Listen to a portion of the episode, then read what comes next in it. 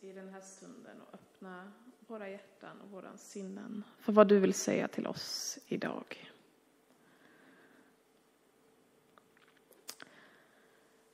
Just nu så känns livet ibland tungt. Ibland känns det som att det ligger en öken framför mig som jag inte kan se andra änden på. Hur länge ska den pågå, den tunga ökenvandringen, då vi mest tragglar på för att ta oss igenom dag efter dag som alla ser likadana ut? Jag tror vi är många som inte lever som vi brukar, eller som vi skulle vilja just nu med coronapandemin som hänger över oss. Och i dagens gammaltestamentliga text läser vi om Israels folk som står precis vid randen av öknen. Deras osäkra vandring mot det förlovade landet har precis börjat och många var rädda och osäkra på vad som väntade dem, osäkra på vilken som var rätt väg att gå. Men Gud såg deras rädsla och mötte den för att visa dem rätt väg att gå och som ett tecken på hans närvaro visar han sig för dem och leder dem. Om dagen som en molnpelare och om natten som en eldpelare. Han lämnar dem aldrig utan visar hela tiden vägen framåt och lyser upp i mörkret. Även om vi idag inte ser Gud i form av molnpelare eller eldpelare så är ändå Gud med oss. Även i vår rädsla och vårt mörker, när allt känns som att det bara är öken. Man skulle kunna säga att Gud för oss har tagit en ännu tydligare fysisk form, nämligen Jesus Kristus. Det är Jesus som leder oss på vägen till vårt förlovade land, på vägen till livet. I dagens evangelietext som tar plats under Jesus sista måltid med lärjungarna, precis efter att Judas gått iväg för att förråda Jesus, Eh, står det så här i Johannes evangeliet 13, vers 31 till 35. Och jag läser från bibelparafrasen The Message. Nu syns det vem Människosonen verkligen är. Och i honom syns det vem Gud verkligen är.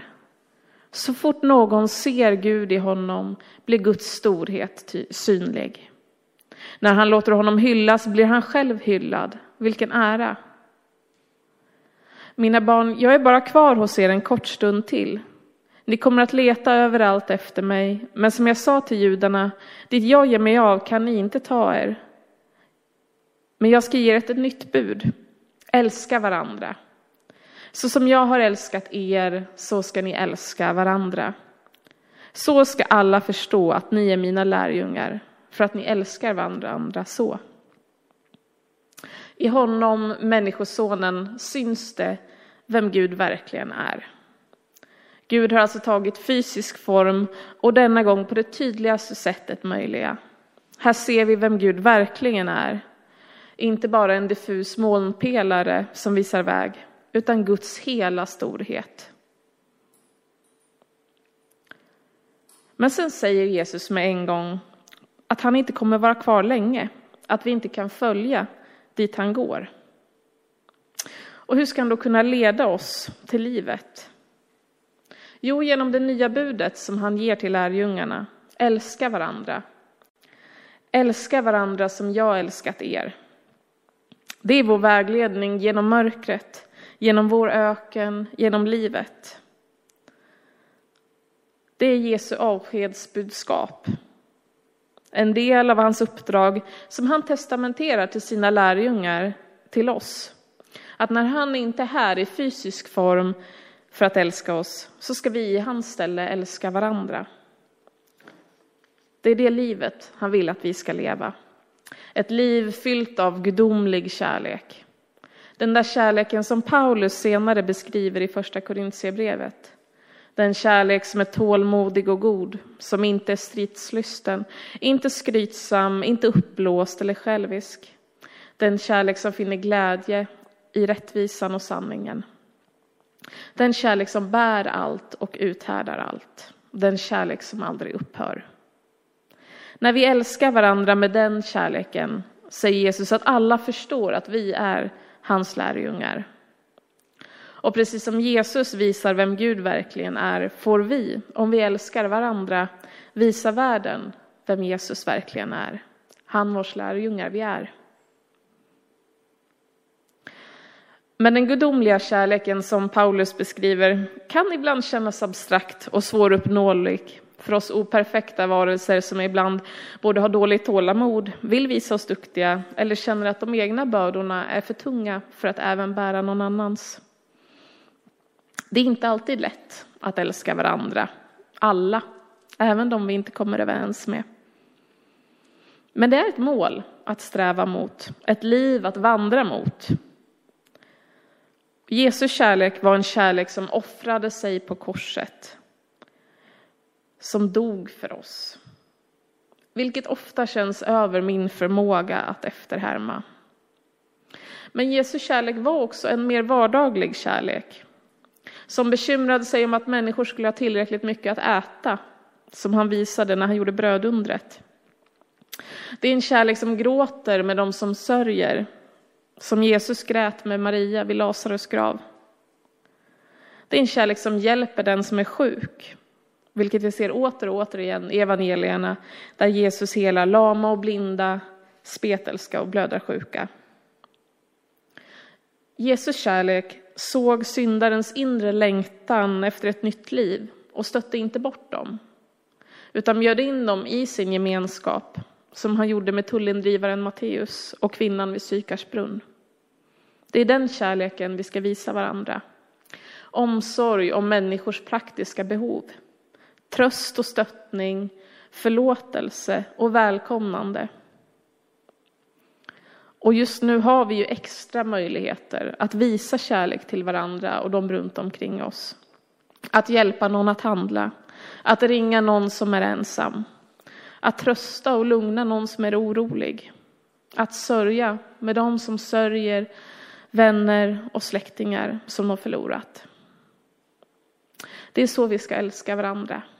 Det är så vi visar vems lärjungar vi är och varför han är värd att följa. Som avslutning skulle jag vilja vända tillbaka till söndagens tema som vi hörde tidigare, vägen till livet. Och det är ju en intressant formulering, vägen till livet. För man skulle ju också kunna säga att Jesus leder oss på vägen i livet. Vi är ju ändå levande. Men det är som att det finns en annan nivå av liv som Jesus vill leda oss till. Livet vi lever just nu med de restriktioner vi har är ju också ett liv och ett förhållandevis sett gott liv jämfört med många i världen just nu. Ändå längtar vi efter ett annat liv, ett friare liv, ett öppnare liv, ett mer socialt liv. Och på samma sätt tror jag att Gud kallar oss till ett ytterligare dimension, en högre dimension av liv. Ett rikare liv med honom. Ett friare liv utan syndens bojor och världsliga krav. Ett öppnare liv där våra hjärtan är öppna för Gud och för människorna runt omkring oss. Ett socialare liv där vi tar hand om varandra med uppmuntran och kärlek. En dag har vi tagit oss igenom öknen. Både den öken som pandemin drabbat oss med och den ökenfärd av prövningar och strapatser som är vårt jordiska liv. En dag kommer vi nå målet. Och Gud är med oss varje steg på vägen. Han leder oss på vägen till målet, till livet med stort L. Men på vägen lär vi oss också något. Ju längre vi följer i Jesu fotspår, desto mer lik honom blir vi. Desto större vår förmåga att älska. Jag är livet, sa Jesus om sig själv. Men han sa också, jag är vägen. Gud står inte bara vid mållinjen och väntar. Han är med oss varenda steg på vägen dit. Amen.